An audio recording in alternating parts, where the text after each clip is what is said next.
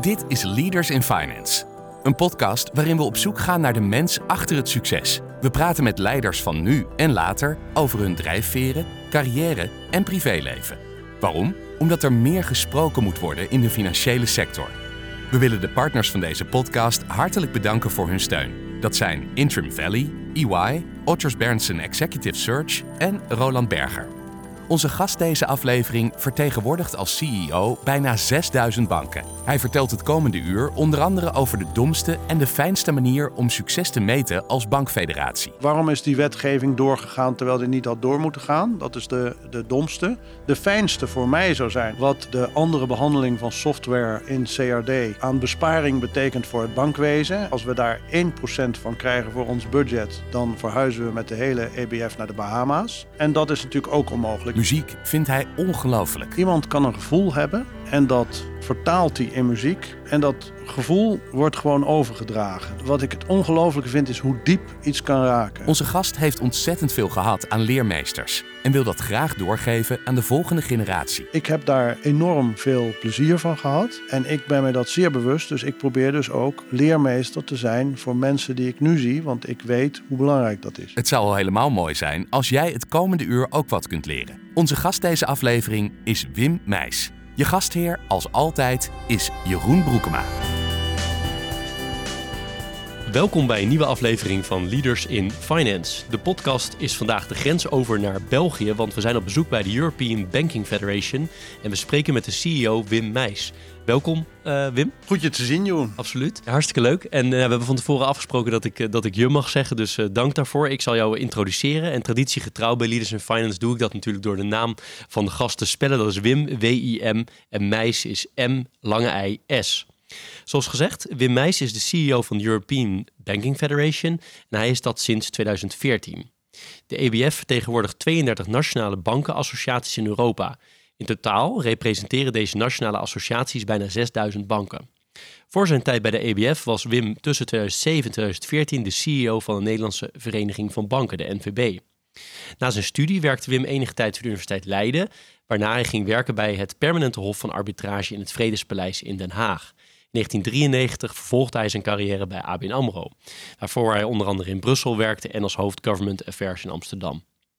Wim heeft altijd nevenfuncties uitgeoefend, waaronder als chairman van de International Banking Federation en is op het moment onder andere lid van de Advisory Board BBVA Center for Financial Education and Capability. Hij is industry chair van de European Parliamentary Financial Services Forum. Hij is lid van de Advisory Board van Leiden Law School en bestuurslid van de Koninklijke Nederlandse Automobielclub. Wim studeerde uh, rechten aan de Universiteit Leiden. Hij is 57 jaar. Hij is getrouwd, heeft twee kinderen en woont in Den Haag en in Brussel. En is, uh, is geregeld onderweg tussen die twee uh, steden. Nou, daar hebben we alvast een beetje een beeld van jou, Wim. En we gaan je veel beter leren kennen in deze, in deze podcast. Wat ik eigenlijk aan je wilde vragen als eerste is om de European Banking Federation neer te zetten. En ik vind het altijd leuk om dat te structureren aan de hand van de key stakeholders voor de EBF. Ik weet niet bij welke je zou willen beginnen. Dat is ook wel interessant, welke je als eerste aan denkt. Nou, wat je, waar je aan denkt als je, als je in, in Brussel werkt, is de eerste stakeholder is natuurlijk de Europese Commissie. Hè. Die heeft ook het, het recht van initiatief op, op regelgeving en heel veel financiële regelgeving waar we de, tegenwoordig mee te maken hebben, komt daar vandaan. Um, als tweede wil ik eigenlijk het noemen het Europees Parlement. Daar zitten we 300 meter vandaan uh, is uh, co-regelgever um, samen met ook de Raad. En we zitten eigenlijk in dat blok. En de Raad zijn natuurlijk de verschillende lidstaten. En door die nationale bankenverenigingen zijn we ook uh, heel sterk verbonden met de ministeries van Financiën en de centrale banken van de lidstaten. Maar wie ik ook zeker wil noemen is in de Bankenunie onze nieuwe toezichthouder in Frankfurt. Daar, we hebben een klein kantoor in Frankfurt. En toen we dat openden in 2014 hadden we twee redenen. We wilden dat kantoor openen als symbool om te laten zien dat de bankenunie echt uh, een, een verwerkelijking is van uh, goed toezicht in Europa. En we wilden dat ondersteunen. Tegelijkertijd begrepen we ook dat uh, je in nationale omgeving heb je soms toch informele contacten en de mogelijkheid om dingen door te spreken. En dat, dat uh, daar was ook behoefte aan in Frankfurt. En daar wordt dat kantoor toe gebruikt. Dus dat is de single supervisor. Nou, als je dan het rijtje afgaat, uh, hier aan de andere kant van het park waar we nu zitten, zit de Single Resolution Board. Natuurlijk ook onderdeel van uh, een van de instituties die na de crisis zijn opgezet. Um, en als je dan verder gaat, zijn er voor gezien de, de, de techniek van alle regels, zijn er drie agencies. De European Banking Authority in Parijs, zat in Londen, is verhuisd naar Brexit. Um, de de uh, Securities Market, de European Securities Market Authority, ESMA, ook in Parijs. En eentje waar ik eigenlijk nooit mee te maken heb, EIOPA in Frankfurt, want die is voor de verzekeraars. Nou, als je dan verder om je heen kijkt, waarmee we ook te maken hebben, is natuurlijk hebben nationale bankenassociaties hebben, vaak ook vertegenwoordigingen hier in Brussel. Grote banken hebben vertegenwoordigingen hier in Brussel. Grappig was dat toen ik voor het eerst naar Brussel gestuurd werd door ABN AMRO, waren wij de tweede bank die, die eigenlijk echt op regelgeving uh, uh, hier een kantoor opende, onder toen mijn, mijn baas Jaap Kamp. en maar sindsdien zijn er zeer vele bijgekomen. Maar ook de Europese Consumentenorganisatie, BEUK, uh, en ooit door Ike van der Burg, uh, overleden helaas, maar uh, lid van het Europees Parlement, opgerichte Finance Watch. Dat zijn, zou ik zeggen, de, de, de watchdogs die de, de, ja, de Europese en de bankenregelgevers volgen. Dus dat is een, een heel gezelschap en dan heb ik nog niet eens alle genoemd. Nee, want ik zou er nog twee stakeholders even aan toe willen, voegen, als het mag. Um, de alle, alle bankenfederaties, je noemde ze wel even, maar daaronder weer al die banken. Hoe verloopt zo'n communicatie met hen? Hoe kom je erachter wat er allemaal leeft in zoveel landen bij zoveel banken? Nou, het is, het is een kwestie van concentreren waar je goed op bent. Ik concentreer me echt op de, op de Europese regelgeving. Uh, en daar zijn uh, als, als Europese bankenfederatie vinden wij dat wij een positie moeten hebben op alle regelgeving uh, die banken raakt op Europees niveau. Dat is één. Twee is, ik, ik geloof zeer erg dat je dat niet reactief, maar proactief moet doen. Dat betekent dat je kunt aanvoelen, hè, nu bij, bijvoorbeeld bij de digitalisering van de maatschappij en dus ook het bankwezen, kun je aanvoelen dat er een regelgevingsstroom op het gebied van digitaal aankomt. En dat is er ook. En daar zijn we dus zeer bij betrokken. Tegelijkertijd, om het halen van de klimaatdoelen en uh, is het bankwezen essentieel. Europa is uh, grotendeels door banken gefinancierd, niet door kapitaalmarkten. Dus om de klimaatdoelen te halen en de transitie uh, naar een meer duurzame economie te verwezenlijken, zijn, uh, is het bankwezen essentieel. Dus, dus je weet dat daar regelgeving aankomt. En dan is er een ander, dat zijn dus twee grote blokken. Een derde groot blok is eigenlijk na de crisis van 2008, is natuurlijk het hele systeem van uh, prudentieel toezicht herzien. Dat leidt nu ook tot de, de, de zogenaamde banking package, de introductie van, van Basel in, in Europa. En daarbij is natuurlijk alle onderdelen van de bankenunie. En dan zijn er nog twee, dat is na, na de schandalen over de money laundering, de, de schandalen in Europa, die eigenlijk voornamelijk administratief waren, maar dat heeft ons zeer op de feiten gedrukt. Het is heel duidelijk dat we in Europa te gefragmenteerde uh, regelgeving hebben over AML. Uh, en we wisselen te weinig data uit. Dus daar uh, is nu de zogenaamde EML-package, dat is belangrijk. Data noemde ik al. We, we, we hebben de GDPR in de dataprotectie in, in Europa. Dat heeft ook grote invloed, zeker met de big techs die ook de financiële markt bekijken. En um, als laatste zou ik willen noemen financiële educatie. Uh, het is goed dat alles digitaal wordt. Het is belangrijk, uh, het is gemakkelijk, maar dat betekent ook dat je niet meer een lokale bankdirecteur hebt die je voor uh, fouten kan behoeden. Dat betekent dus dat we mensen echt ook moeten opleiden om de, de, hetgeen ze aangeboden krijgen ook beter te kunnen beoordelen. Ga ik nog even op mijn, op mijn lijn terug van de stakeholders. Je had hem inderdaad al wel genoemd hoor, de, de, de nationale uh, banken, federaties, associaties. De stakeholder die ik ook nog even wilde, uh, op wilde doorvragen is de, jouw collega's allemaal, jouw medewerkers hier. Hoe, met hoeveel mensen ben je en hoe is dat werk grofweg verdeeld? Nou, we hebben er, we hebben er ongeveer 40. Uh, er werken er ongeveer 40 hier en, en één in, in Frankfurt. en wij kunnen inkrimpen en uitdijen, want onder deze 40 medewerkers, dat zijn op sommige punten superspecialisten op, op regelgeving, zitten de specialisten van de bankenassociaties en de banken. Dus dat het, het werk is verdeeld op verschillend niveau tussen er zijn een aantal, er is, wij, hebben een bestuur, dat heet de Executive Committee. En we hebben een algemene vergadering, dat heet de Board. Dat is een interessante uh, naamkeuze. Um, maar uh, daarnaast zijn er op de strategische, en dat heb ik zelf ingesteld, op strategische gebieden zijn zogenaamde strategy groups. En dat zijn de mensen die echt verantwoordelijk zijn voor, bepaald, uh, voor de uitvoering van bepaalde regelgeving of voor een bepaald product in een bank. En dat is, dat is essentieel. En daaronder zijn commissies en werkgroepen met, met peers. Je kunt voor exportkredieten kun je iedereen bij elkaar hebben. Dus we hebben de, de mogelijkheid om vrij snel naar ongeveer 400 of 500 mensen uit te dijen als, we dat, zo, als dat nodig is. Ja, en als je kijkt naar succes, hè?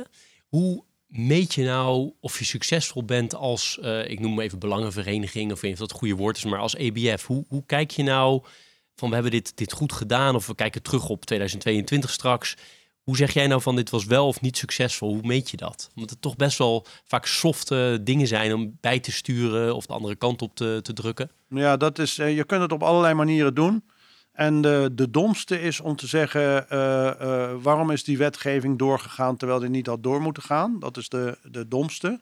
De fijnste voor mij zou zijn, ik heb bijvoorbeeld een hoofdprudentieel die mij even voorrekende wat het, de andere behandeling van software in CRD aan besparing betekent voor het bankwezen. En zei, als we daar 1% van krijgen voor ons budget, dan verhuizen we met de hele EBF naar de Bahama's.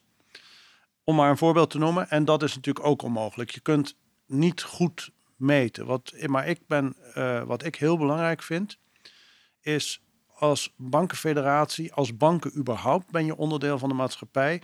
Je zult mij nooit van mijn leven horen praten over de zogenaamde reële economie. Ik vind dat een uh, construct uit het verleden, uit de tijd van kolen, staal en, en dergelijke.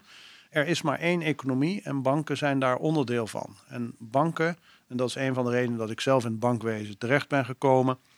Uh, een van de mooie dingen vind ik juist dat ze zoveel mogelijk maken in de maatschappij en dat ze ook eigenlijk alles bij banken samenkomt. Nou, de manier waarop ik dan succes meet is, ik vind het heel belangrijk om de partner of choice te zijn. Zoals je zei, door de enorme hoeveelheid banken zijn wij aantrekkelijk voor, voor, voor politici en regelgevers, omdat wij heel representatief zijn. Dat als wij onze zaken voor elkaar hebben en wij zeggen iets, dan is dat de sector spreekt. Dus voor mij is het eerst partner of choice, maar dan moet je dus ook wel realistisch zijn. Wij verdedigen niet het onverdedigbare. Uh, dus dat is één. Twee is je moet, uh, uh, en dat, dat zeg ik ook vaak tegen mijn medewerkers, het gaat niet om winnen of verliezen. Uiteindelijk definieer ik altijd de rol van de EBF als, en sorry voor het Engels, we create a regulatory environment in which banks can compete successfully. Dat is eigenlijk de omgeving, wij, een regelgevingskader waarin banken zich kunnen ontwikkelen, innoveren en, en uh, de concurrentie kunnen aangaan met anderen. Nou, dat zie je op verschillende, uh, op, op verschillende punten. Dat is bijvoorbeeld bij Basel, dat is natuurlijk een, een, een wereld uh, overeenkomst en die wordt nu geïmplementeerd. Maar de wereld is niet overal hetzelfde. En waar je bijvoorbeeld in Amerika alle bedrijven een rating hebben, is dat in Europa helemaal niet zo. Uh, en bijvoorbeeld IKEA heeft geen rating. Nou, als je Basel één op één zou overzetten, dan zou IKEA ineens veel meer moeten betalen voor zijn, voor zijn financiering. Nou, als je dat onder de aandacht kan brengen van de regelgevings en ze begrijpen dus dat dat iets specifiek Europees is, wat we, hoewel we natuurlijk uh, uh, gebonden zijn of, of gebonden willen zijn aan Basel, dat we daar aandacht voor moeten besteden, dat is een soort manier om succes te meten. Ja. We hebben een Nederlandse CEO bij de EBF zitten, dat ben jij. Um, is dat nou nog heel handig en nuttig voor Nederland dat er een Nederlander hier het, bewind voert? Nou, interessant, ik heb laatst, echt ongeveer een week geleden, hoorde ik via via dat uh, Franse, Duitsers en Italianen een compliment over mij gaven. En dat compliment was: Wanneer heb je ooit Wim Meis op een Nederlandse manier zien onderhandelen? Nooit toch? En dat was bedoeld als compliment. En ik zie dat ook als een compliment, want ik zit in een Europese rol. Um, en ik heb uh, ik, ik, ik vind de, de, de, je, je, je hebt hier met zeer veel nationaliteiten te maken. We hebben in ons kleine kantoortje alleen al 16 nationaliteiten uh, zitten. En die hebben allemaal een andere benadering. En voor mij is het belangrijk dat ik iedereen vertegenwoordig op een, op een kritische manier. Heeft het zin dat het een Nederlander is? Uh, ja, er is altijd enig voordeel. En dat is één het taalvoordeel. als hier een Nederlander binnenloopt uh, met een technisch verhaal, dan kan hij dat heel precies uitleggen, omdat hij het in zijn moedertaal kan uitleggen. Het tweede is dat ik de Nederlandse situatie ken. Een voorbeeld is altijd de Nederlandse hypotheekmarkt. Daar zeg ik altijd droogjes over. Die is werkelijk in geen enkel ander land uit te leggen en aan geen enkele toezeggen, behalve in Nederland. Maar omdat ik de context begrijp, leidt dat niet bij mij tot een, voorkeur of een bias. Maar het, lijkt wel, het leidt er wel toe dat ik meteen begrijp waar een Nederlandse bankier vandaan komt als hij bij mij komt. Ja, dat is interessant. En in Nederland hebben veel mensen, zowel in de politiek, maar ook uh, daarbuiten, misschien ook wel in de, in de raad van besturen van de banken, een bepaald beeld bij de zuidelijke landen. Dat onze voormalige minister heeft er wel eens uitspraken over gedaan, uh, Dijsselbloem bijvoorbeeld. Maar is jouw beeld nou heel anders uh, geworden sinds je hier echt in het Europese uh, centrum, in het hart van Europa zit? Ik weet niet, ik denk wel dat het anders geworden is. Ik, ik kan niet helemaal het moment aan, aan zeggen, maar ik heb wel veel meer begrip, ook kritisch begrip. Wat, wat, wat uniek is aan deze positie, is je kunt in de keuken kijken, niet alleen van landen, maar van ook banken. Zeker voor COVID uh, reisde ik ongeveer drie à vier keer per week en was ik steeds in andere landen en bij andere banken. En dan, uh, omdat ik zelf natuurlijk uh, uh, 14 jaar in het bankwezen heb gezeten en je, je voelt een cultuur aan, je voelt een aanpak aan, krijg je een, een, een kijkje in de keuken en dat creëert begrip. Want je ziet de dilemma's waarmee ze. Je ziet ook soms de, de, de politieke omgeving waarin ze zich bewegen. En dat maakt dat ik in ieder geval niet zomaar landen weggooi. Uh, ik ben uh, absolute tegenstander van het uitsluiten van landen. Ik kon helemaal niet leven met nonsens over de luie in de zon zittende zuiderling die de prachtige pensioensysteem van Nederland zou, zou verteren. Daar kan ik helemaal niets mee. Voor mij is een van de voorbeelden is de, de eurozone met zijn toezicht. Er zijn allerlei uh, overwegingen geweest om de eurozone samen te stellen. En die waren niet alleen economisch, maar ook politiek. Op het moment dat je dat gedaan hebt, moet je ook uh, zorgen dat je die toekomst gezamenlijk invult. En moet je niet halverwege iemand uh, of een land uitsluiten. Want er is veel geld in de wereld, er is veel liquiditeit. En je moet als Europa, en na de invasie van Rusland in Oekraïne hebben we dat nu weer eens even met een schok beseft we leven in een niet eenvoudige wereld. Dus als je het geld onttrekt aan een zuidelijk land, dan wordt het ogenblikkelijk ingevuld door een staat die misschien niet de Europese idealen onderschrijft. Nou, alsof je mijn volgende vraag wist, dat wist je niet. Maar ik ging even door het lijstje van alle aangesloten landen en, uh, en uh, associaties. Ik zag Oekraïne daar ook tussen staan. Hebben jullie veel contact met, uh, met, de, met de vereniging daar of de associatie daar? Nou, Oekraïne is eigenlijk een, een probleem. We hadden een probleem met de associatie eigenlijk al voor enige tijd. Want uh, uh, sinds de, de Krim en, en Donbass uh, waren daar verschillende bankenverenigingen actief. Hè. En, en de regel is, wij zijn inderdaad een vereniging van 32 landen. De, degene die volledig lid kunnen worden zijn de landen van de EU de uh, EFTA, dus dat zijn uh, Lichten, nee, de EA moet ik zeggen, dat zijn Noorwegen, Liechtenstein en uh, IJsland. En de EFTA is Zwitserland. En we hebben UK Finance, de Britten, er ook bij, maar daarvoor hebben we onze statuten aangepast, zeer specifiek. Dan zijn er landen die associate members kunnen worden, en dat zijn de landen die lid zijn van de Raad van Europa. En dat zijn onder andere Albanië, Servië, Turkije. Maar Oekraïne was daar een van de problemen die wij zagen. Is je moet dan de vertegenwoordigende bankenassociatie zijn, maar er waren er drie. Ehm, dus we hebben tegenwoordig veel contact, maar vooral via onze Poolse collega's. Want de Polen zijn eigenlijk aan de voorkant. Die doen heel veel aan co coördinatie. En ik kan een kort lijstje aangeven van de dingen waar wij ons sinds 24 februari zeer intensief mee bezighouden. Natuurlijk de implementatie van de sancties. Dat is een plicht van het bankwezen en dat proberen we zo goed mogelijk te doen.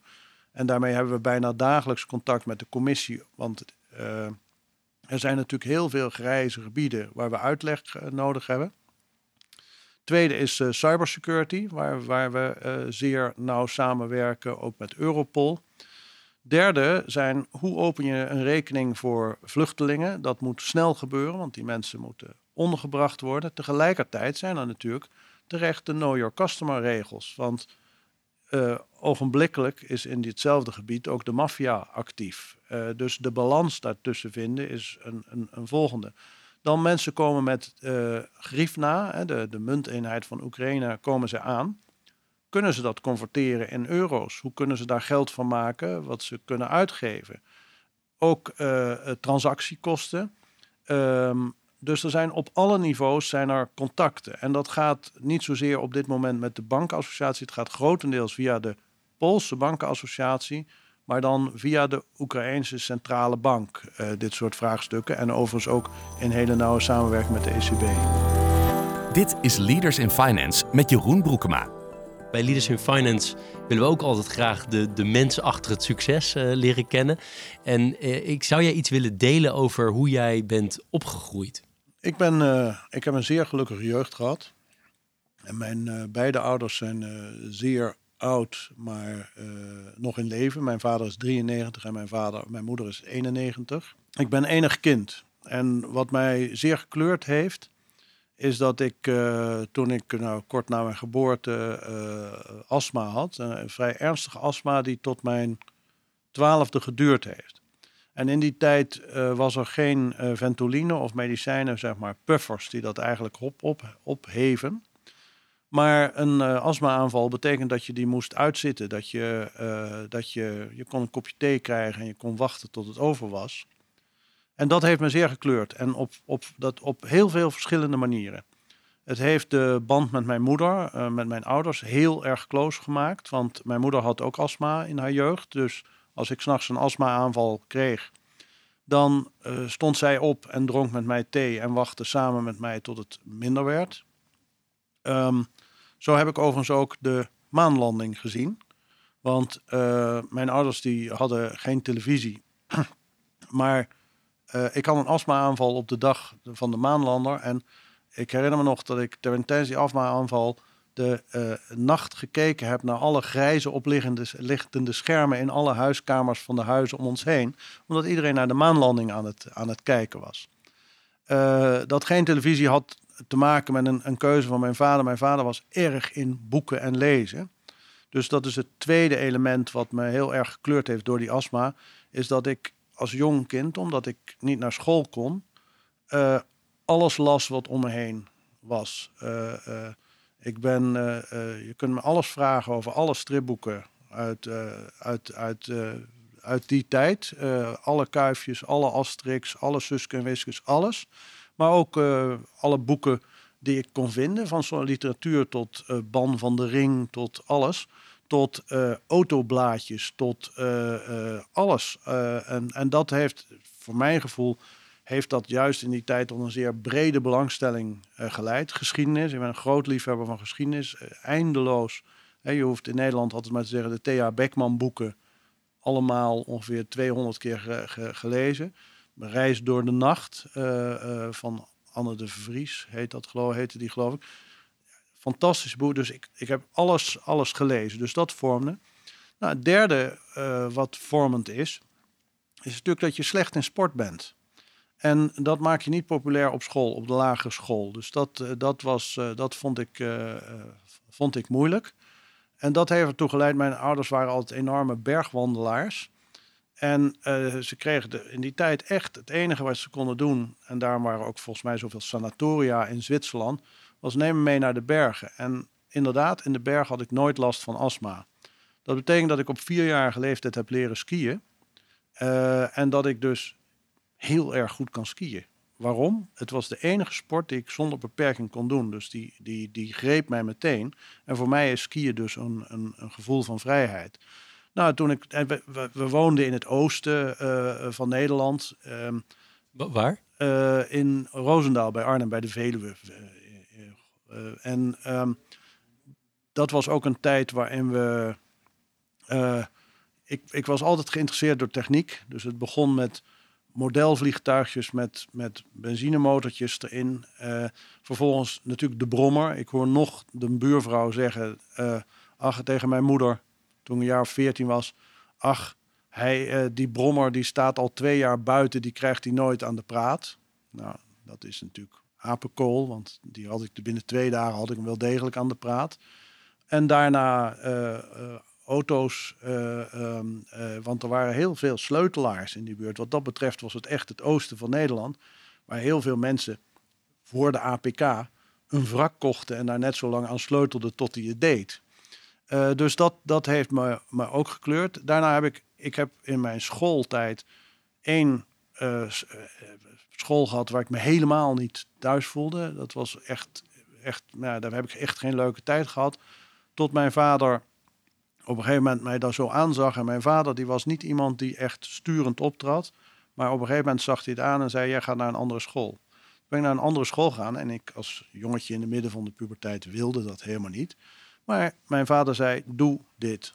En daar heb ik een ongelooflijk gelukkige schooltijd gehad. Uh, ik ben, heb, ben nog jarenlang bevriend geweest met de leraren daar, die me echt uitgedaagd hebben.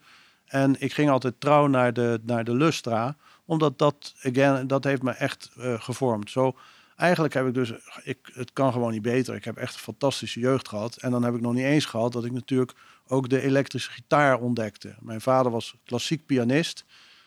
Um, en hoop dat ik piano zou spelen. Nou, daar heb ik ook de volledige eerste lijn genomen. Net de mensen gingen eerst blokfluit spelen. Nou, dat, ik, ik, dat laat, hoe zou ik dit nou eens diplomatiek zeggen? Dat instrument is niet voor mij. um, en daarna piano. En, en uh, dat was klassiek pianoles. En dat, dat was mijn ding niet. En toen kwam ik op, uh, op school. En er was een schoolbandje. En er was een jongen die speelde elektrische gitaar. En dan ging iets klik in mijn hoofd. En ik heb dat nooit meer losgelaten, het instrument. En ik was dus toen ik 18 was, 18, 19 en tijd was om keuze te maken voor een studie, was ik voornamelijk bezig met bandjes, het spelen in bandjes, het eindeloos gitaar spelen, uh, prutsen met auto's en uh, ja, zo ging ik studeren. Dus kon niet beter. Wat een mooi alomvattend antwoord. Er zitten ook heel veel haakjes en, uh, en paden in waarin we in kunnen gaan. Eerst nog heel even benieuwd, als ik dat mag vragen, wat deden je ouders voor, voor werk? Mijn vader die was die was de baas van corporate research van AXO. nou, AXO Nobel. die, die hadden een hoofdkantoor, of hebben een hoofdkantoor in Arnhem. Daar werkte hij. En mijn moeder had Frans gestudeerd en gaf Frans bijles. Ah. Zo heb je ook Frans geleerd? Ja, nou, dat is, een, dat is een mooie. Want als je moeder zelf heel goed Frans spreekt, dan is dat niet je eerste ding. Maar ik heb, ik heb eindexamen gedaan in alle talen. Dat wil zeggen alle moderne talen, dus Duits, Engels, Nederlands en Frans. En hier is het uh, handig, hoewel het wel zo is dat werkelijk iedereen en zijn moeder Engels spreekt, inclusief de Fransen zelf. En vooral voor Duits en Frans vind ik dat, ja, Frans kan ik hier nog op straat spreken en, en zeg maar in mijn leven. Maar met Duits is het gewoon jammer. Want uh, je ziet dat de, ja, ik kan wel Duits spreken, maar zeg maar, de, de breedte, de diepte van de taal verdwijnt een beetje als je het niet oefent. Ja, stimt. Ik had in de voorbereiding proberen altijd zoveel mogelijk te lezen over, over de gast. Uh, had ik een quote, uh, hadden we een quote gevonden. Er stond: To me, a richer life means music. Nou, je haalde het net al aan. Je hebt het nooit meer losgelaten, die muziek. We zitten ook in, jou, in jouw mooie werkkamer. Ik zie ook foto's dat jij uh, actief aan het spelen bent. Wat doet muziek met jou? voor mij is muziek is, wat ik ongelooflijk vind, is uh, iemand kan een gevoel hebben en dat vertaalt hij in muziek. En dat gevoel, wordt gewoon overgedragen. Dus je, je, je, wat ik het ongelooflijke vind, is hoe diep iets kan raken. Ehm, er, zijn, uh, er is muziek die je blij maakt. Er is, uh, en er is muziek die je zo raakt dat je altijd tranen in je ogen krijgt als je het weer hoort. Um, ik vind het. Uh, ik, ik, vind eigenlijk het, het, het verschil. Mijn vader was zeer, is, is zeer geïnteresseerd in klassieke muziek. En ik ben eigenlijk. Heb, hou eigenlijk van alle muziek. Alle goede, goede muziek. Maar doordat ik zelf zo diep in de muziek zit, kan ik ook vrij snel doorheen horen hoe iets gemaakt is. En als ik daar, uh, als ik dus de zogenaamde luiheid, het zij in de harmonie, de, de, de, een, een, hele bekende akkoordding, of iets waarvan ik gewoon kan horen dat dat in de standaardgeluiden op een nieuw gekochte synthesizer zit, dan word ik niet zo opgewonden. Maar er, zijn, er is prachtige muziek en niet alleen de traditionele klassieke en romantische muziek uh, en de popmuziek, maar ook um, ik, uh, Franse chansons. Dus ongelofelijke cultuur en zeggingskracht daarvan. En uh, ik heb uh, twee jaar in mijn studententijd in een, uh, in een ja, Roemeens-Hongaarse zigeunerband gespeeld. Daar heb ik nieuwe ritmes geleerd, maar ook werk prachtige muziek gespeeld met intense melodieën. Dus zo leer je, de muziek is een reis die nooit ophoudt. Heb je eens gedacht om daar 100% je werk van te maken? Nou, ik ben er vrij nuchter in, want een van mijn beste vrienden is, uh, is vind ik, de gitaarleraar van uh, Leiden en omstreken. En zoals ik altijd zeg, als ik te veel banken heb, houdt hij mij normaal. Want dan ga ik naar hem toe en dan spelen we een middag en dan gaat het weer. En dan geeft hij me altijd weer tips. En, en, um, maar ik, op mijn achttiende heb ik daar wel serieus naar gekeken. Maar daar ik zag toch eigenlijk de meeste mensen die, die, die professioneel muziek gingen doen. Ik, ik had, omdat ik zo dankbaar uh, in een vrij goed bandje speelde, kon je ook zien hoe hard dat muziekleven was. En speelden we op uh, bekende jeugdcentra met af en toe gewoon bekende bands. En het was gewoon of, ja, gewoon iedere dag optreden, van optreden naar optreden of een vrij hard leven of muziekonderwijs. Uh, en ik, ik, ik, dan moet je gewoon in de spiegel kijken en zeggen hoe, hoe goed ben je nou eigenlijk? Uh, en ik ben vooral door mijn ervaring uh, een, een goede muzikant. Je kunt mij zo in een band zetten en ik speel zo mee. Maar ben ik de volgende, het volgende genie? Nee. Ik, ik, ik ben gewoon, wat ik altijd zei, goede ambachtelijke muzikant. Je, was, uh, en je, je, bent over je jeugd louter positief. Dat is, dat is hartstikke mooi. Zijn er toch dingen uit de opvoeding? Je bent nu zelf, je bent zelf vader. Waarvan je zegt, nou, dat heb ik toch echt wel anders gedaan met mijn kinderen?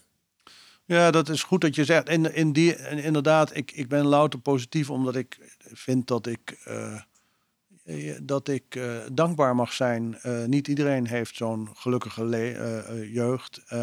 En iedereen, niet iedereen heeft de kans gekregen enig kind zijn is, is moeilijk. Die astma heeft echt hele moeilijke momenten gekend. Je kunt je voorstellen, ik was niet de eerste die gekozen werd bij het voetbalteam, uh, zoals je kan voorstellen. Uh, dat maakt je af en toe eenzaam.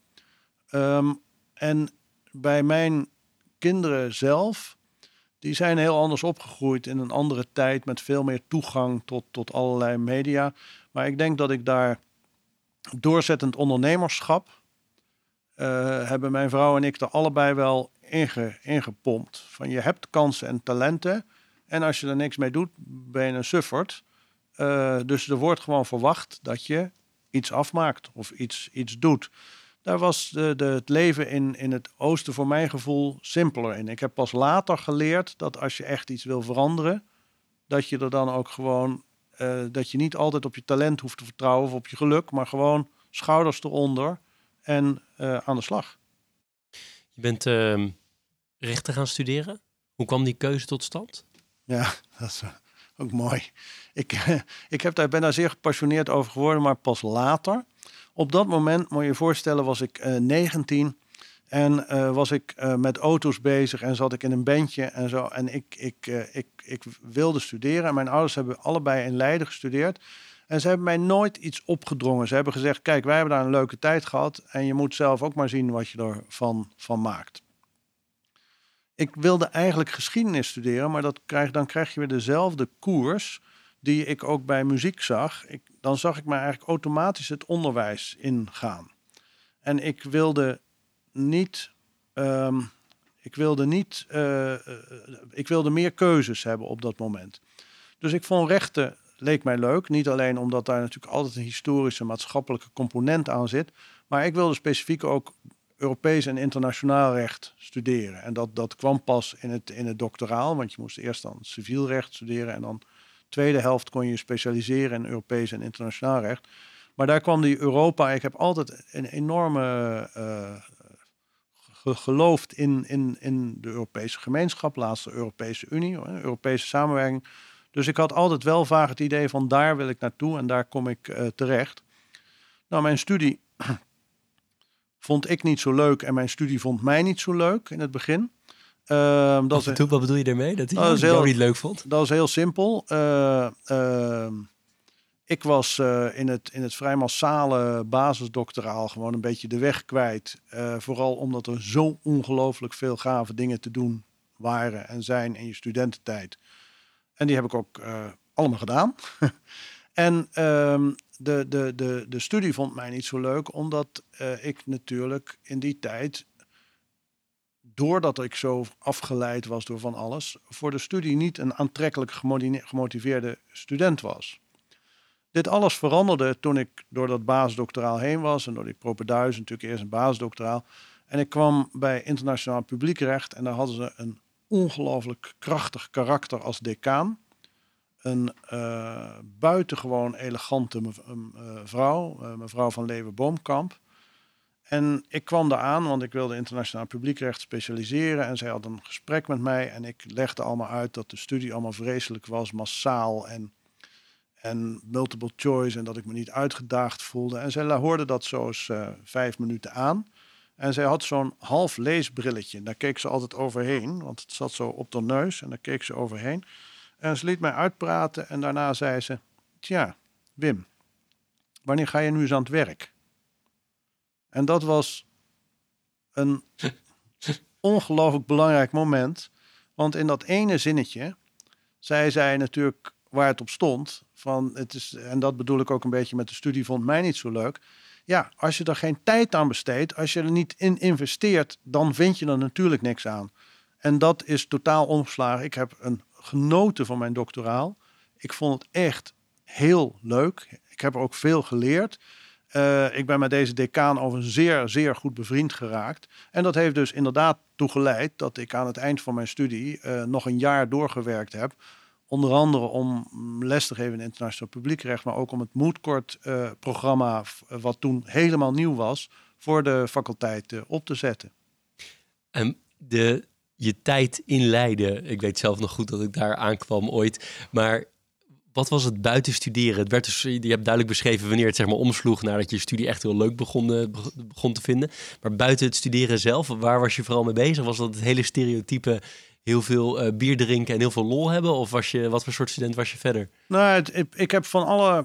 Kijk, toen ik aankwam, ik wilde eigenlijk muziek spelen. Dus mijn, mijn ouders zijn allebei lid geweest. Deze ga ik niet afmaken, want dan weet je wat ik bedoel. Zijn allebei lid geweest, maar hadden dat nooit gezegd. Eh, en ik heb alle verenigingen ben ik afgelopen, maar met mijn gitaar onder mijn arm en door de bril van waar kan ik hier muziek maken. En eh, uiteindelijk kwam ik bij Minerva uit. En dat was toen een hele grote vereniging, waar 3500 mensen. En door het Leids Studententoneel. En die brachten iedere dag, want het was nog voor de CD, die gaven iedere dag een, eh, brachten die ieder jaar een plaat uit. Die hadden bands, die hadden, maakten musicals. Dus ik ben daar lid geworden omdat ik dacht, jeetje, dit is gaaf. En daar heb ik dus ook werkelijk een fantastische tijd gehad. Dat gaat van het, het, het koorleven tot eh, eh, het, het bandje, het spelen in, in de bands, twee of drie bands had je die in allerlei feesten spelen. Nou, ik zat in één daarvan. Eh, tot het onderdeel zijn van de, de, de musicalcommissie, het Leids Studententoneel. Maar je kon zoveel andere dingen doen. Ik ben lid geweest van het bestuur van de klimvereniging. Drie keer raden, commissaris ski natuurlijk. Ik heb natuurlijk meegedaan aan de intercorporale skiwedstrijden. Eh, ik ben eh, ehm, eh, je, je roeien en zo. De, de wereld die je kan doen, daar is zoveel verder dan, uh, dan, dan bier drinken. Ehm, uh, en dat heb ik ook gedaan. dat heb je ook gedaan, als laatste zin toch nog. En heb je, heb je lang gestudeerd? Ja, dat, uh, tenminste, je kunt zeggen, ik ben in uh, 1983 aangekomen en ik ben in 1990 afgestudeerd. Ja, nee, dat, ja wat is lang, hè? maar in die ja, tijd was het niet eens zo heel lang waarschijnlijk, ja, of wel? Nou, zes jaar was niet lang, maar zeven jaar begon, begon te stretchen, zeg maar. Maar kwam er ook vanuit Roosendaal een bericht van het wordt nu een keer tijd? Nou, ik, nou, mijn ouders die, ja, mijn ouders die hebben wel. Kijk, het ding is uh, um, met die bandjes en met het skileraarschap en ik heb ook als ski-monteur gewerkt en zo, kom je natuurlijk echt wel een heel, een, een heel end. Um, dus ik, ik, uh, uh, er werd me wel, er werd wel gestimuleerd op een gegeven moment en ik denk dat die opluchting kwam, maar mijn ouders hadden dat al eerder gezien bij die school, want die eerste school was ik totaal vastgelopen en kwam er niks uit. In die tweede school had ik ineens alleen maar hoge cijfers, omdat ik in de omgeving was waar ik heel gelukkig werd. Ik denk wel dat ze blij waren toen ik eindelijk internationaal en Europees recht ging, dat zeg maar, de berichten vanuit Leiden iets beter werden over de cijfers. Leaders in Finance met Jeroen Broekema.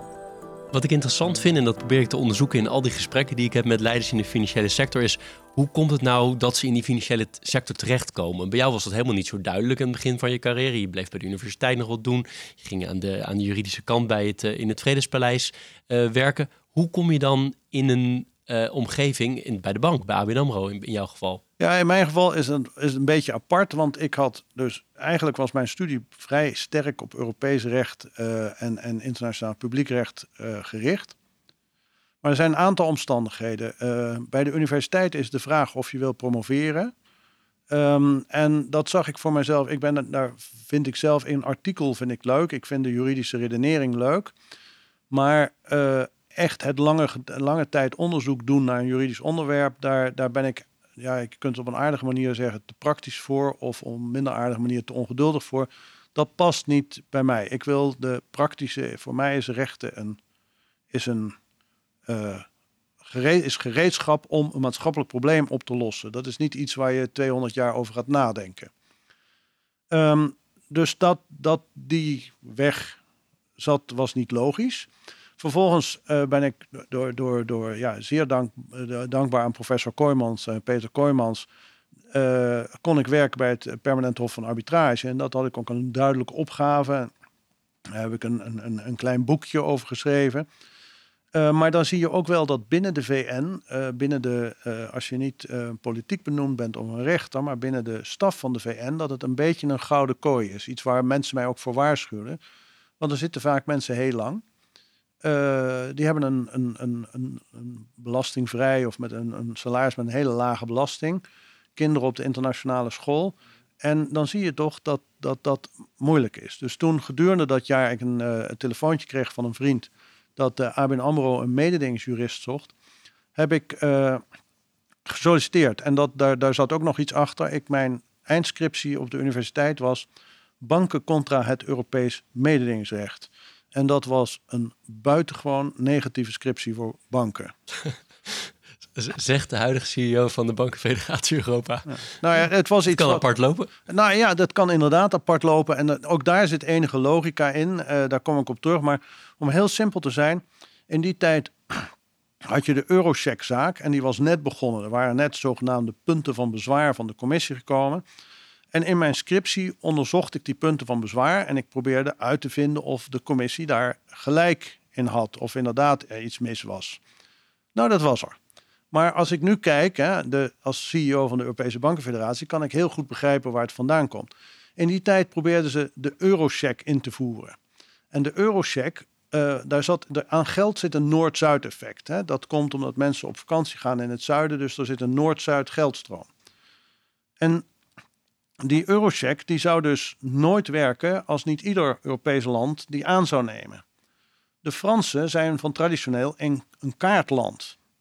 Dus, en het verschil tussen de eurocheck en, uh, de euro, en, en, een kaart, is dat in een kaart, in het geval van een kaart betaalt de retailer, in het geval van een check betaalt, uh, uh, betaalt de, de cliënt, de klant, de gebruiker. En uh, daar konden ze het dus niet over eens worden. Nou, toen hebben ze in Helsinki, buiten, toen nog buiten de Europese Unie, in Helsinki een geheime overeenkomst met de Fransen gesloten. Waarin de Fransen werd toegestaan om zowel de retailer voor aanname van de cheque als de klant te laten betalen. Nou, dit is zogenaamde double charging en dat is ongelooflijk verboden onder mededingingsrecht en terecht. En dat werd dus uitgevonden door de commissie. Dus mijn conclusie was, ja, dit leidt tot een enorme boete, die ook later uh, overigens daar, daarachteraan kwam. Maar ik heb het uh, geluk gehad, ABN AMRO is, daar ben ik nog steeds van overtuigd, de aller, allerbeste opleider van het bankwezen die we ooit gehad hebben. In 2008 zijn we niet alleen een grote systeembank in Nederland uh, verloren, maar ook het opleidingsinstituut van, van, van het bankwezen. En dat zie je nog steeds, want jij in jouw werk valt volgens mij over de oude ABN AMRO'ers die daar zijn opgeleid. Ehm, en ik kwam, door dat in, kwam in dat klasje, maar ik kreeg vooral ook te maken met een, uh, een hoofd zaken van oorspronkelijk AMRO, hè, die waren net gefuseerd, uh, Rudolf Sassen, en die zei tegen mij, zo meneer Meijs, was 27 jaar, u weet het allemaal, zie ik, juist. Ik heb uw scriptie gelezen, interessante analyse. Uh, ik kan het niet helemaal eens zijn met de conclusie, maar als u het allemaal al weet, dan moet u maar eens voor mij komen werken. En die man heeft mij echt juridisch op alle niveaus uitgedaagd. Heeft gezorgd dat ik als jurist bij in, in effectentransacties, in leningsovereenkomsten, in inkopen, overal, overal bij betrokken ben. Ik heb drie keer heb ik het sponsorcontract voor Ajax gemaakt, voor ABN AMRO. Ik ben de jurist, een van de juristen namens ABN AMRO achter het Air Miles uh, project. Al die dingen uh, heeft hij gedaan. En dat samen met de ongelooflijk goede algemene opleiding die je krijgt. Ja, dat heeft mij echt helemaal in het bankwezen getrokken. En daar zie je dus dat die banken zeker gewoon heel veel, alles komt bij elkaar.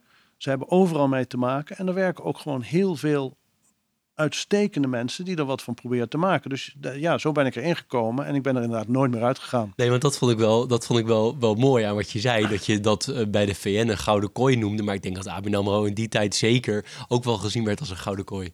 Ja, half, half, half. Het was, uh, ik heb dat allemaal nog net meegemaakt. Uh, de, de, de, hè, zeg maar de tijd van de, de, de tantièmes, et cetera. En, maar dat werd toen juist door die fusie werd dat allemaal een beetje doorbroken.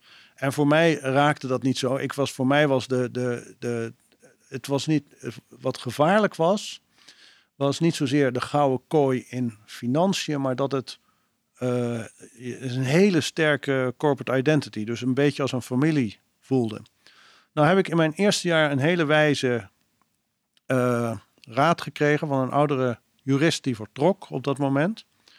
En die zei wat ik vind, wat je bij alle bedrijven met een sterke corporate identity, of je het nou over ABN AMRO hebt, of over Santander, of over Microsoft, of over Google, die gaf mij een wijze les en die geef ik ook nu, nog steeds aan jonge mensen. en die wijze les was, um, ja, welkom bij ABN AMRO. Je, je, bent, nu, hè, je bent nu jonge jurist hier, je, je kunt van alles leren, je kunt uh, ongelooflijke fijne mensen, goede collega's meemaken, enorme leuke tijd meemaken. Maar je moet nooit vergeten dat de bank een naamloze vennootschap is, dus heeft geen gevoel. Dus als het over is, is het over. En dat heb ik nooit vergeten. Het is een naamloze vennootschap waar je wel iedere dag met je hart en ziel in kunt doen, maar je kunt niet verwachten dat de naamloze vennootschap hetzelfde emotie en gevoel aan jou geeft, want die heeft immers geen emotie en gevoel. Nee, maar toch heeft zo'n organisatie, zeker ABN AMRO, omdat ik er zelf gewerkt heb, een enorme cultuur. Dus, ja, die eh, cultuur. En, en die cultuur, en daar ben ik trouwens in mijn management ook, uh, sta ik daarop. Cultuur is ongelooflijk. Cultuur en waarde maakt een organisatie. Ik, ik heb natuurlijk ook later heel veel werk gestoken in de codebanken en de bankierseed. En um, een fatsoenlijke cultuur. Hè, dus om maar een voorbeeld te noemen, terug naar mijn scriptie. Zo'n zo'n uh, overeenkomst met, met, uh, over Eurocheck, die, die nou echt ongeveer in de prehistorie. Ik begrijp de praktische noodzaak daarvan. Maar de waarden en de cultuur hadden dat moeten stoppen. En zo zijn er heel veel dingen die we niet alleen in het bankwezen, maar daar ook buiten zijn. Cultuur en waarden zijn essentieel. Ja. Nou, nee, helemaal mee eens. En heb jij uh, op een bepaald moment heb je dus in je loopbaan ben je vanuit de juridische kant meer naar de government affairs, noem ik het maar even, gegaan. Hoe kwam die switch tot stand? Ja, dat is eh, ook heel simpel en, en dat is onvoorstelbaar tegenwoordig met bijna alle regelgeving afkomstig voor, voor financiën afkomstig uit Brussel. Er was maar één meneer Europees recht en één meneer mededingingsrecht. En dat was de jonge jurist Wim Meijs. En dat werd al een beetje vriendelijk toegeknikt als de hobby van meneer Meijs. Ehm, die af en toe afleidde van het eerlijke handwerk van het Nederlandse vennootschaps- en faillissementsrecht, waar het toch echt allemaal om ging. Ehm, dus ik was een beetje een, een, een, een, een vreemde, vreemde eend daarin. En eens in het jaar kwam er een keer een Europees recht, rechtvraag. En die mocht ik dan oplossen. En eens in, het, uh, in de twee jaar kwam er wel eens iets uh, over mededingingsrecht. En uh, daar mocht ik dan ook iets over, over, over zeggen.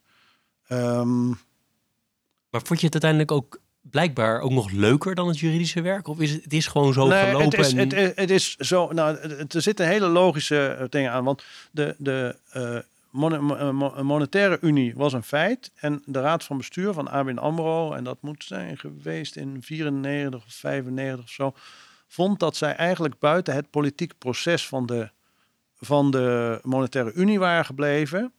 Uh, en dat dit hen overkwam. En zij vonden dat ze daar tenminste vroege waarschuwingen over hadden moeten hebben, als dan onderdeel zijn van het proces. Hè. Je had in die tijd ook nog Dick Meijs, eh, die natuurlijk een enorme visionaire bankier die altijd over, over, uh, over grenzen heen kijkt en Hazelhof.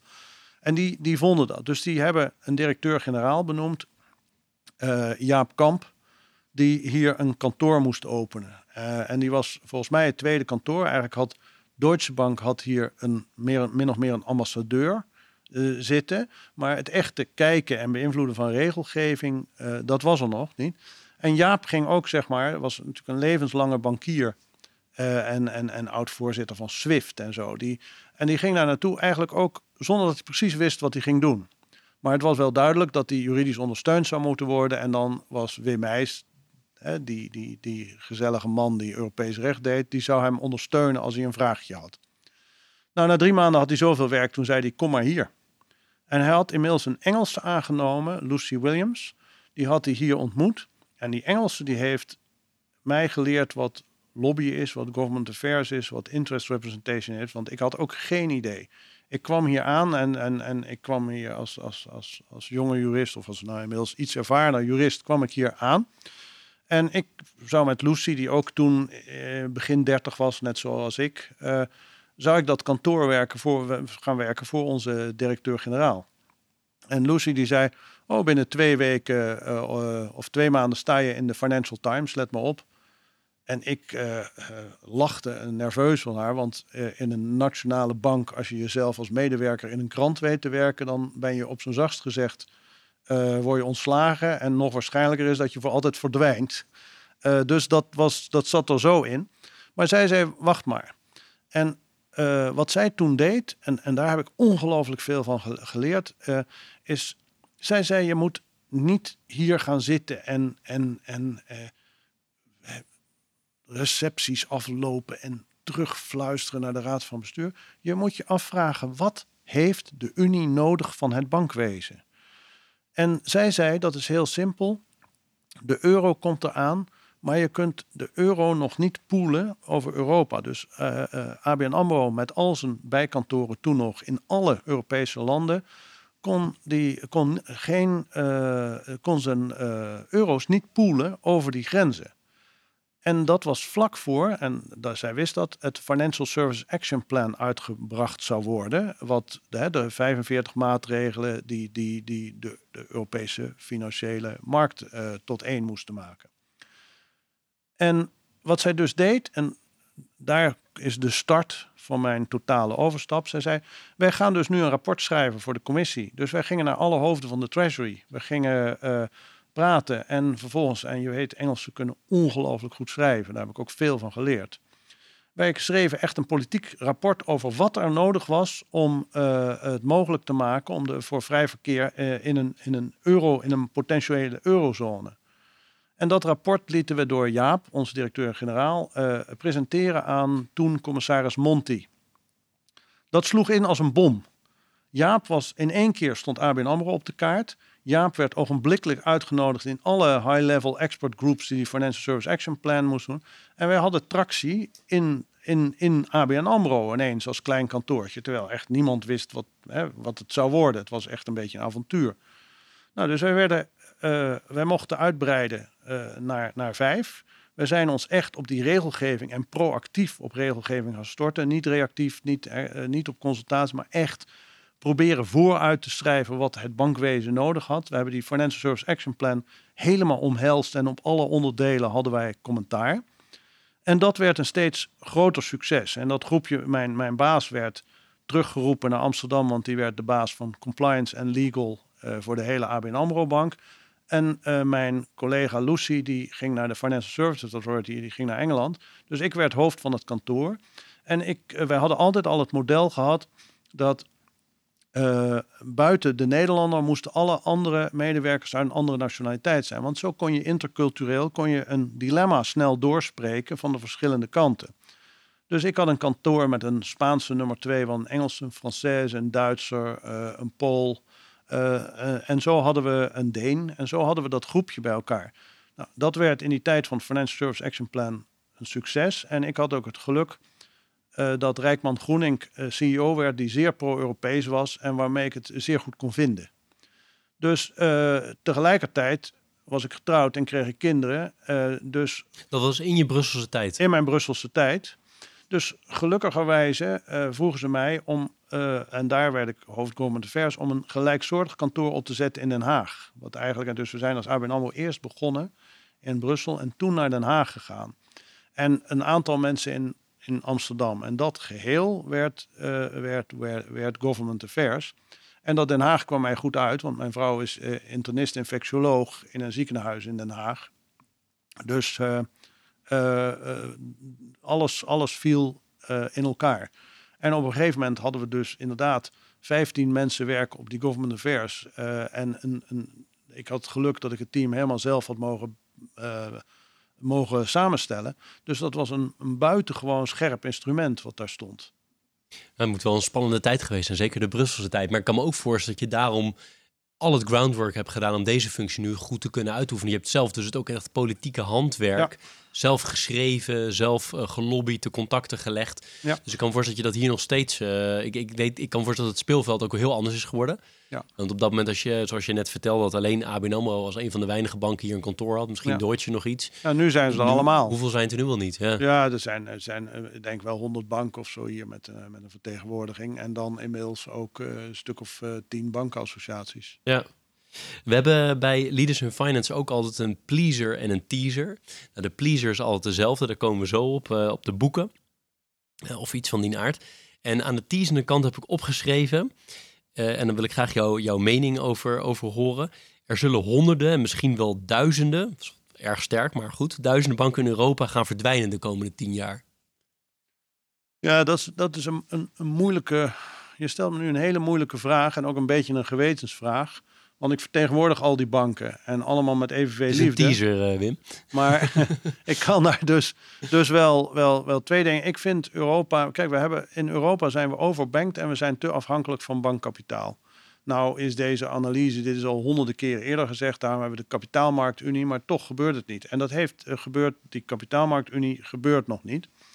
Dat heeft veel te maken met het gemak waarmee mensen bankkrediet kunnen krijgen. Dat is, doordat er zoveel banken zijn en door de lage rentestand, is het heel makkelijk om een bankkrediet te krijgen. En het is veel moeilijker om kapitaalmarktfinanciering te krijgen. Want er zijn allemaal regels. Je moet een compliance ambtenaar hebben. Er zijn transparantieregels, et cetera.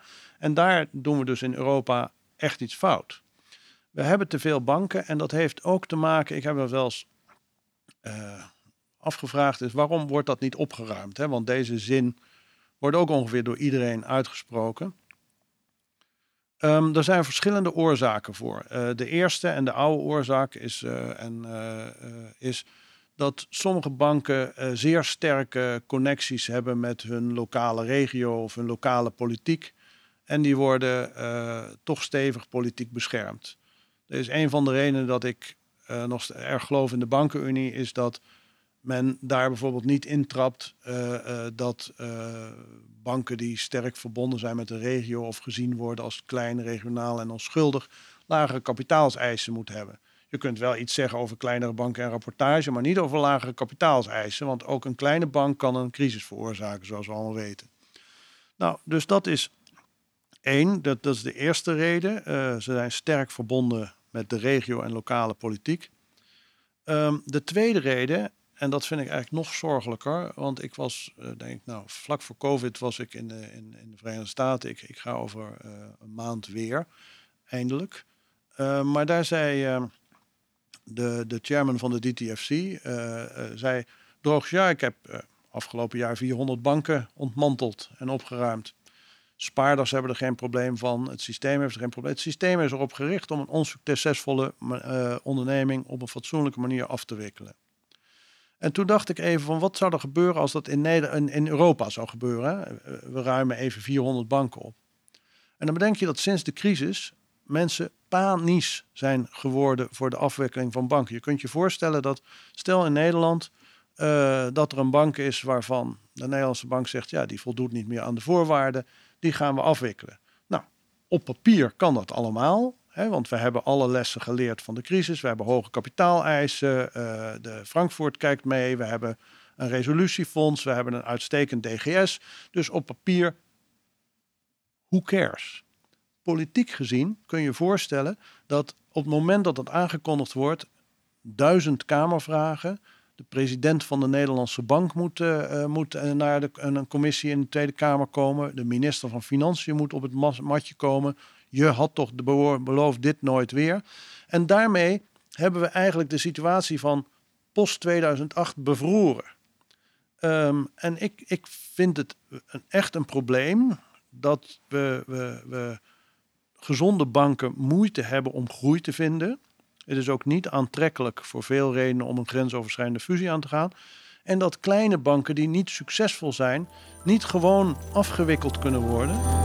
Leaders in Finance met Jeroen Broekema. Maar uiteindelijk zou je kunnen zeggen dat bij elke stap dat die Unie sterker wordt en, en, en dichter, uh, dichter, de landen dichter op elkaar komen te zitten, uh, financieel-economisch gezien, dat er dus consolidatie gaat plaatsvinden op een moment. Aan de andere kant zou je kunnen zeggen, in Amerika heb je ook nog steeds, wat is het, 4000 banken of zo, 5000? Ja, maar die, dat komt om, en dat, dat is dus het punt wat ik maakte, is ja, grensoverschrijdend. Je hebt twee dingen. Grote banken, grensoverschrijdende, uh, grensoverschrijdende uh, fusies.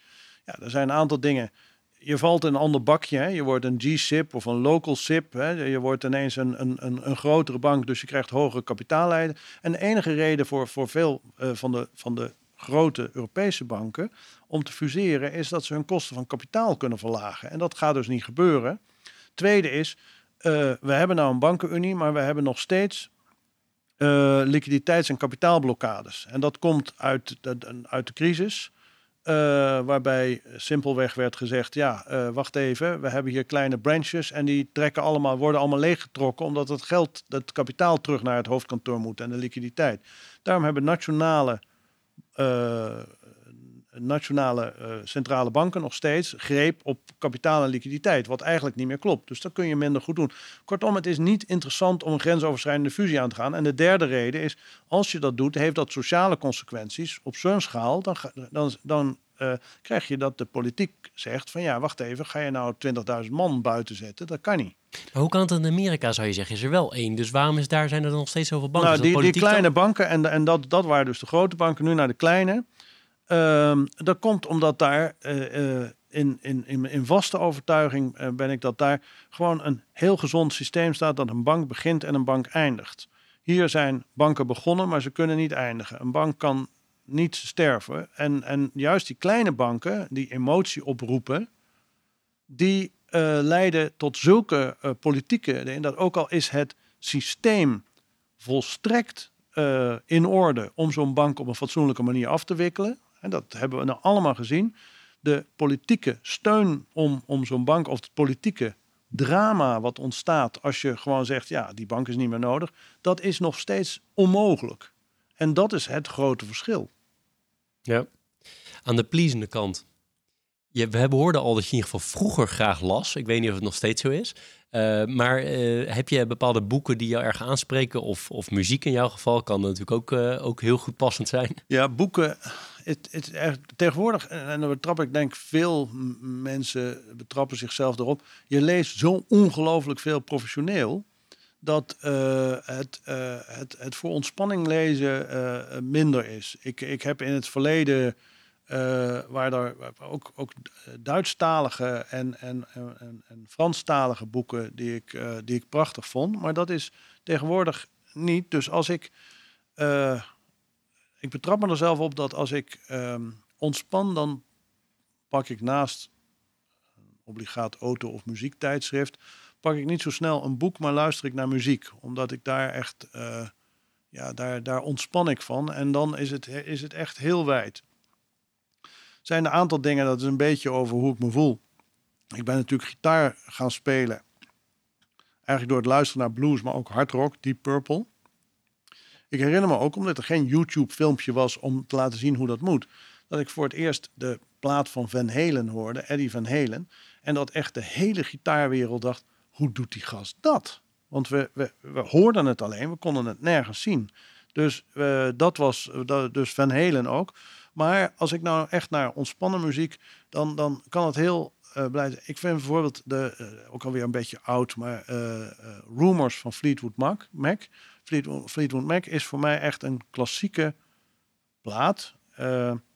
door de, het verhaal. Ik vind het ongelooflijk dat mensen die zo in de stress zaten met elkaar op zo'n professionele manier muziek kunnen maken.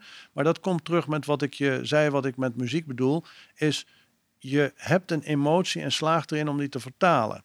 En als je uh, naar uh, Rumors luistert, dan is die, die, het ongelooflijk knap is dat ze de sfeer die ze onderling hadden, wist te vertalen. En als je goed luistert, dan hoor je, hoor je helemaal hoe het in elkaar zat. Uh, een van de andere, en, en dat is ook een beetje een open deur, maar ik ben altijd erg fan van Hotel California. Even, eh, of trouwens, dat een van mijn motto's zit daarin. You can check out anytime you like, but you can never leave. Uh, maar, Waarom is het een van je motto's? Ja, ik, omdat ik vind dat je altijd een stukje achterlaat. Hè? Dus je bent, je, je, je bent ergens en op een gegeven moment ga je verder. het leven is altijd in verandering, je gaat, gaat, gaat verder.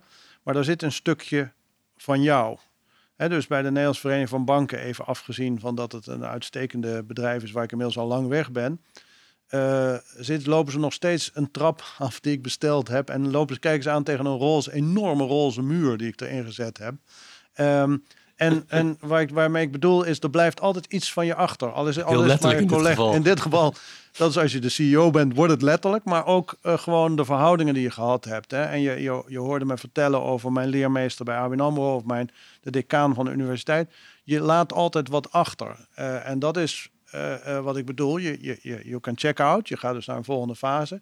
Maar in je, je laat altijd wat achter. You, never really leave. Um, en, en daar vind ik ook de muzikaliteit. Hè, van, want als je nou naar een gitaarsolo kijkt, ja, je kunt gewoon een toonladder aflopen of er zijn allerlei trucjes voor. Maar een echt briljante, briljante gitaarsolo vertelt een verhaal. Met een kop en een staart. Hè. Eh, je zou eens even op moeten eh, zetten uh, na deze podcast Slow Gin van Joe Bonamassa. Uh, en hij, vertelt, hij is duidelijk eenzaam en alleen en voelt zich ellendig.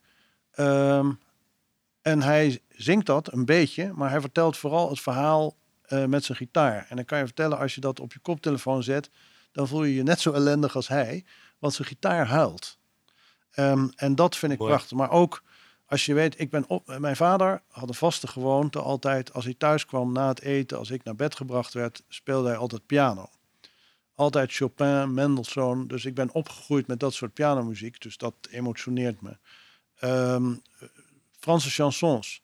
Als je uh, het, het, liedje Nantes van Barbara opzet, uh, zal ik altijd bij huilen. Waarom? Dat gaat over het afscheid en de begrafenis van haar vader. En uh, dat zingt ze op zo'n ongelooflijke manier. Dat is ongelooflijk. Maar ook gewoon, zeg maar. Joegoslavische muziek. Ik noem het Joegoslavisch omdat het, het was Macedonisch overigens, of Noord-Macedonisch moet je zeggen. Makedonske Devoce, dat is een, een, een, een Joegoslavisch liedje. Hè. Ik noem het Joegoslavisch omdat alle landen uit voormalig Joegoslavië het kunnen zingen.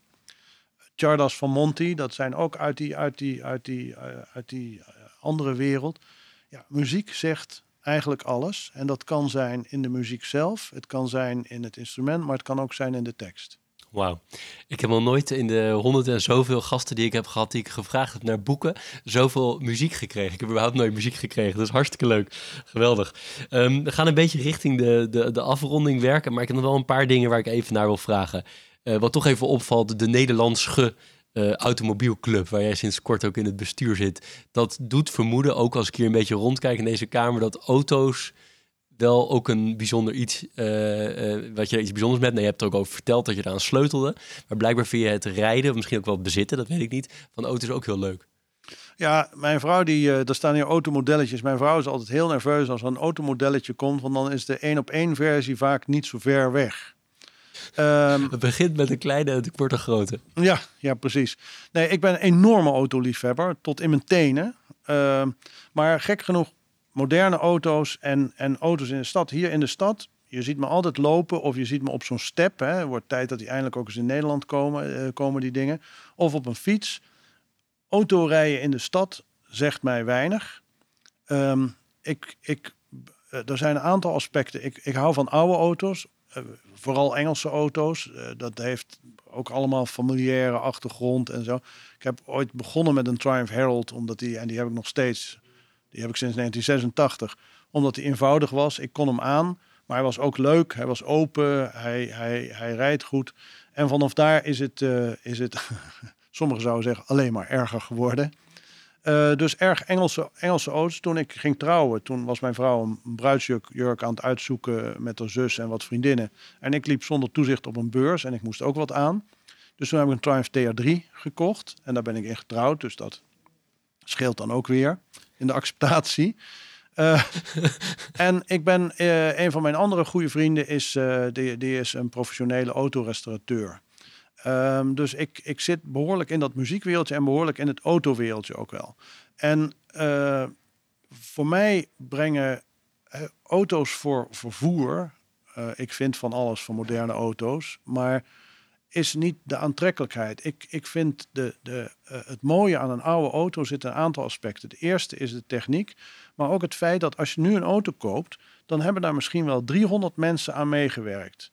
Dat betekent dus dat je slappe thee koopt of uh, grijze muur verft of zoiets dergelijks. In ieder geval, er zit weinig, weinig karakter, weinig DNA in zo'n moderne auto. Hij is alleen maar heel goed, heel duur, heel snel of hè, zoiets. Maar dat, dat, wat zo bijzonder is aan die oude auto's, en dat is voor instance voor, bijvoorbeeld waarom ik uh, uh, zo dol ben op Triumphs, maar er zijn een aantal andere merken die het ook doen. Het is een klein groepje van drie tot vijf mensen die zo'n hele auto ontwerpen. Uh, hè, voor Triumphs heel lang Michelotti als Italiaanse ontwerper en uh, Harry Webster als de, als de hoofdtechniek. En je ziet dus alle keuzes en alle liefde die zij in die auto stopt, dat komt er ook uit. En dan is het de techniek, het gevoel, het brengt je, uh, de geur brengt je al terug. een soort kunst voor jou. Ja, totaal. Totaal. Het is, het is, voor mij is het een, een een mooi gemaakte auto. Maar het grappige is dat voor mij de duurste auto is niet de mooiste auto. Hè. De, voor oude auto's geldt, het is heel makkelijk om 200 keer zoveel geld uit te geven. Maar het is niet makkelijk om twee keer zoveel lol te hebben. Nou, worden er nog mooie nieuwe auto's gemaakt in jouw beleving? Of zijn het alleen maar de oude? Ik heb wel eens gezegd dat iedere nieuwe versie van een auto is, um, en dat is wel licht provocerend, weer een beetje extra teleurstelling. Want ze zijn steeds functioneler, zoals een wasmachine ook steeds functioneler is. Maar ze zijn steeds minder opwindend. En voor mij is namelijk zo'n auto met 550 pk en duizend waar je heel hard mee kan en duizend systemen om de bereider uh, onder controle te houden, daar is niks aan. Een lichte auto met simpele techniek waar je totaal contact hebt met de weg en met de techniek, dat is wat een auto opwindend maakt. En de vorm. Hè. En ik heb vaak gehoord dat de regel is, uh, Als je wegloopt, als je auto afsluit en je hebt geparkeerd en je loopt weg en je kijkt niet om, heb je verkeerde auto. En dat klopt helemaal. Nou, de KNAK, de Koninklijke Nederlandse Automobielclub. Ja, ik ben heel blij dat ik daarbij zit, want het, het combineert mijn intense liefde voor auto met mijn bestuurlijke ervaring. En ik vind het een geweldig goede club. En, en ze hebben een, enerzijds een verzekeringsproduct, hè, want je, je, dat zijn mensen met weinig kilometers, oude auto's en die moeten goed verzekerd zijn. En dat is ook wat anders, want als er een keer iets mee is, dan moet die niet meteen op dagwaarde afgeschreven worden, maar dan moet die soms terug. terug ah, kijk, die financiële achtergrond exact. Eh, komt dus nog van dat pas. helpt. En dan is er de vereniging en dat is echt een club van liefhebbers. En wat ik het mooie vind aan, aan oude auto's, is dat uh, de echte liefhebbers, het maakt niet uit waar je van houdt, of het nou van een Lada uit 1975 is of een Triumph uit 19... Dit zijn allemaal dus mensen die hebben iets. Er is iets in een verleden. Of hun vader had er een, of ze keken er altijd naar, of de, of, of de geur doet het iets. En dat verbindt. Echte passie. Wat, we iedereen, uh, wat ik iedereen heb gevraagd, en dat ga ik dus ook aan jou doen, is als je even je verplaatst in mensen die nu starten op de arbeidsmarkt, en dan liefst dit leaders in finance, dus liefst in de financiële wereld. Uh, maar wat voor tips zou je ze meegeven? En heb je zelf ook wel eens keuzes gemaakt in je loopbaan waarvan je achteraf zegt, oh, oh my god, waarom heb ik dat gedaan? Of daar heb ik zo ontzettend veel van geleerd, dat was zo dom. Of kortom, heb je tips voor mensen die nu starten of net een paar jaar aan het werk zijn? Nou, het is, uh, ik, ik vind zelf dat, dat uh, het, je komt uiteindelijk waar je, waar je, waar je in zit. Hè? Want uh, ja, ik ben heel erg in de financiële sector gekomen, maar ik ben in een hoekje van de financiële sector gekomen die als je naar het verhaal luistert niet vreemd is. Het is niet vreemd dat ik in Brussel zit, het is niet vreemd dat ik in Europa zit, het is niet vreemd dat ik met regels te maken heb. Um, en voor mij is het dus zeker dat je dat, je, dat eh, je moet daar eerlijk uh, tegen in zijn. Uh, ik zou buitengewoon ineffectief zijn in een dealing room. Dat, dat past niet bij mij. Wat belangrijk is, is dat de financiële sector zo'n ongelofelijke ruimte geeft om banen op verschillende manieren in te vullen. Of je nou relatiemanager, of je in compliance terechtkomt, of in prudentieel. er is altijd een plek waar je, waar je goed past. Um, maar je moet dus wel eerlijk zijn in jezelf, uh, tegen jezelf, over wat je talenten eigenlijk zijn. Uh, ik, zie, uh, ik heb hier heel veel jonge mensen en ik zie ze ook veel langskomen. De mensen die eerlijk tegen zichzelf zijn en gepassioneerd komen een heel eind. maar de mensen die je ziet vrij snel of iemand eigenlijk iets anders wil doen of het een tussenstation Hebben ze dat zelf door? Want, want de vraag is natuurlijk altijd van hoe doe je dat? Hè? Want dat wil je, iedereen uiteindelijk wil natuurlijk graag zichzelf zijn en dat ook echt doen. Maar heb je het idee dat die, dat die mensen die je nu beschrijft, hè, want iedereen heeft daar natuurlijk ook wel iets uh, van in zich, dat ze dat zelf doorhebben? Heb je tips hoe je dat kan doen? Nou, zo een goede kritische vraag. Uh, die, die, want terecht is het, je wil gewoon een baan. Hè? Het begint gewoon, je wil gewoon een baan en je wil, je, je, je, wil een goede baan en dan zie je wel weer verder. Dat, dat ben ik met je eens. Waar ik, wat ik wel geleerd heb, en, en dat, dat is en dan komen we toch weer, eindigen we op cultuur. Is uh, toen ik zelf aan het solliciteren was en het, was, het lukte helemaal niet. Want uh, weet je, je was afgestudeerd en je solliciteerde bij die grote bedrijven. En sommige uh, waren heel, was een heel leuk gesprek, maar dan werd je niet. En sommige gedroegen zich als de eerste beste pummels. en mijn vader zei, ja, je moet een goed gevoel krijgen voor de cultuur van het bedrijf waar je zit. Want als zij zich onbetamelijk gedragen tegen sollicitanten, dan, dit is dat, dan, betekent, dan is dat, betekent dat, dat ook in het bedrijf zit uh, onder, onder collega's. En zeker als je jong start. Um, en dan, dan moet je daar niet willen werken, want dan uh, brand je af. En dat is wel een serieus advies wat ik wil geven. Gebruik je instinct en ook al heb je die baan, uh, als je in een cultuur komt waar die niet oké voelt, dan is hij niet oké. En dat voel je toch echt in je onderbuik ergens. En dan uh, moet je gewoon. Uh, en druk dat dus niet weg. Anders. Ja, druk dat niet weg. Want als, het, als er rarigheid is, dan is het ook raar. Wat niet klopt in je buik, klopt ook niet gewoon. Mooi, mooie tip. Heb jij nog iets waarvan je zegt, we hebben, we hebben lang gesproken, uh, maar heb je nog iets waarvan je zegt, Jeroen, dat vind ik toch jammer dat je daar niet naar gevraagd hebt, of dat zou ik heel graag nog willen toevoegen? Nou, ik heb heel veel gesproken en je hebt heel veel gevraagd. Maar uh, ik vind het. Uh, vooral het open gesprek, maar ook het, het belang van, van, van onderwijs en hoe we. ik, ik kom uit een onderwijzersfamilie. Hè. wat mijn vader ook deed, die is geëindigd als professor. Mijn grootvader, iedereen zat ergens, was leraar of, of was ergens. Um, het belang van leren en het belang van leraren in je leven, en dat heb ik nu ook gezegd. Ik heb mijn leraar uit mijn middelbare school. Ik heb een sleutelmensen uit mijn universiteit. Sleutelmensen uit mijn carrière. Het belang van leermeesters, dat kan ik niet genoeg onderstrepen. En uh, ik heb daar enorm veel plezier van gehad.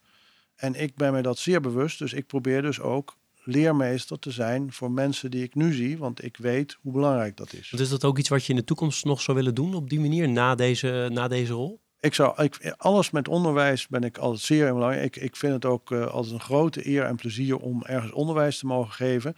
Maar uh, verder dan buiten het onderwijs, het, het zijn van een leermeester voor de jonge mensen in je bedrijf. Uh, en, en rolmodel. Ik heb daar zelf zoveel aan gehad aan de goede, wijze lieve mensen die mij hebben begeleid.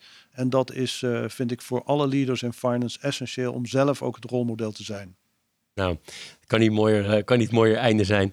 Uh, met dank aan uh, Bocca Koffie krijg je zo meteen nog een, een, een klein cadeautje. Een, een B Corp gecertificeerd bedrijf. Heel veel dank Wim dat je zo uitgebreid de tijd neemt. Je zegt je hebt heel veel gevraagd, maar ik zou willen zeggen... Ik heb heel veel mogen vragen. Je hebt alles willen beantwoorden. Op een hele mooie manier met mooie verhalen.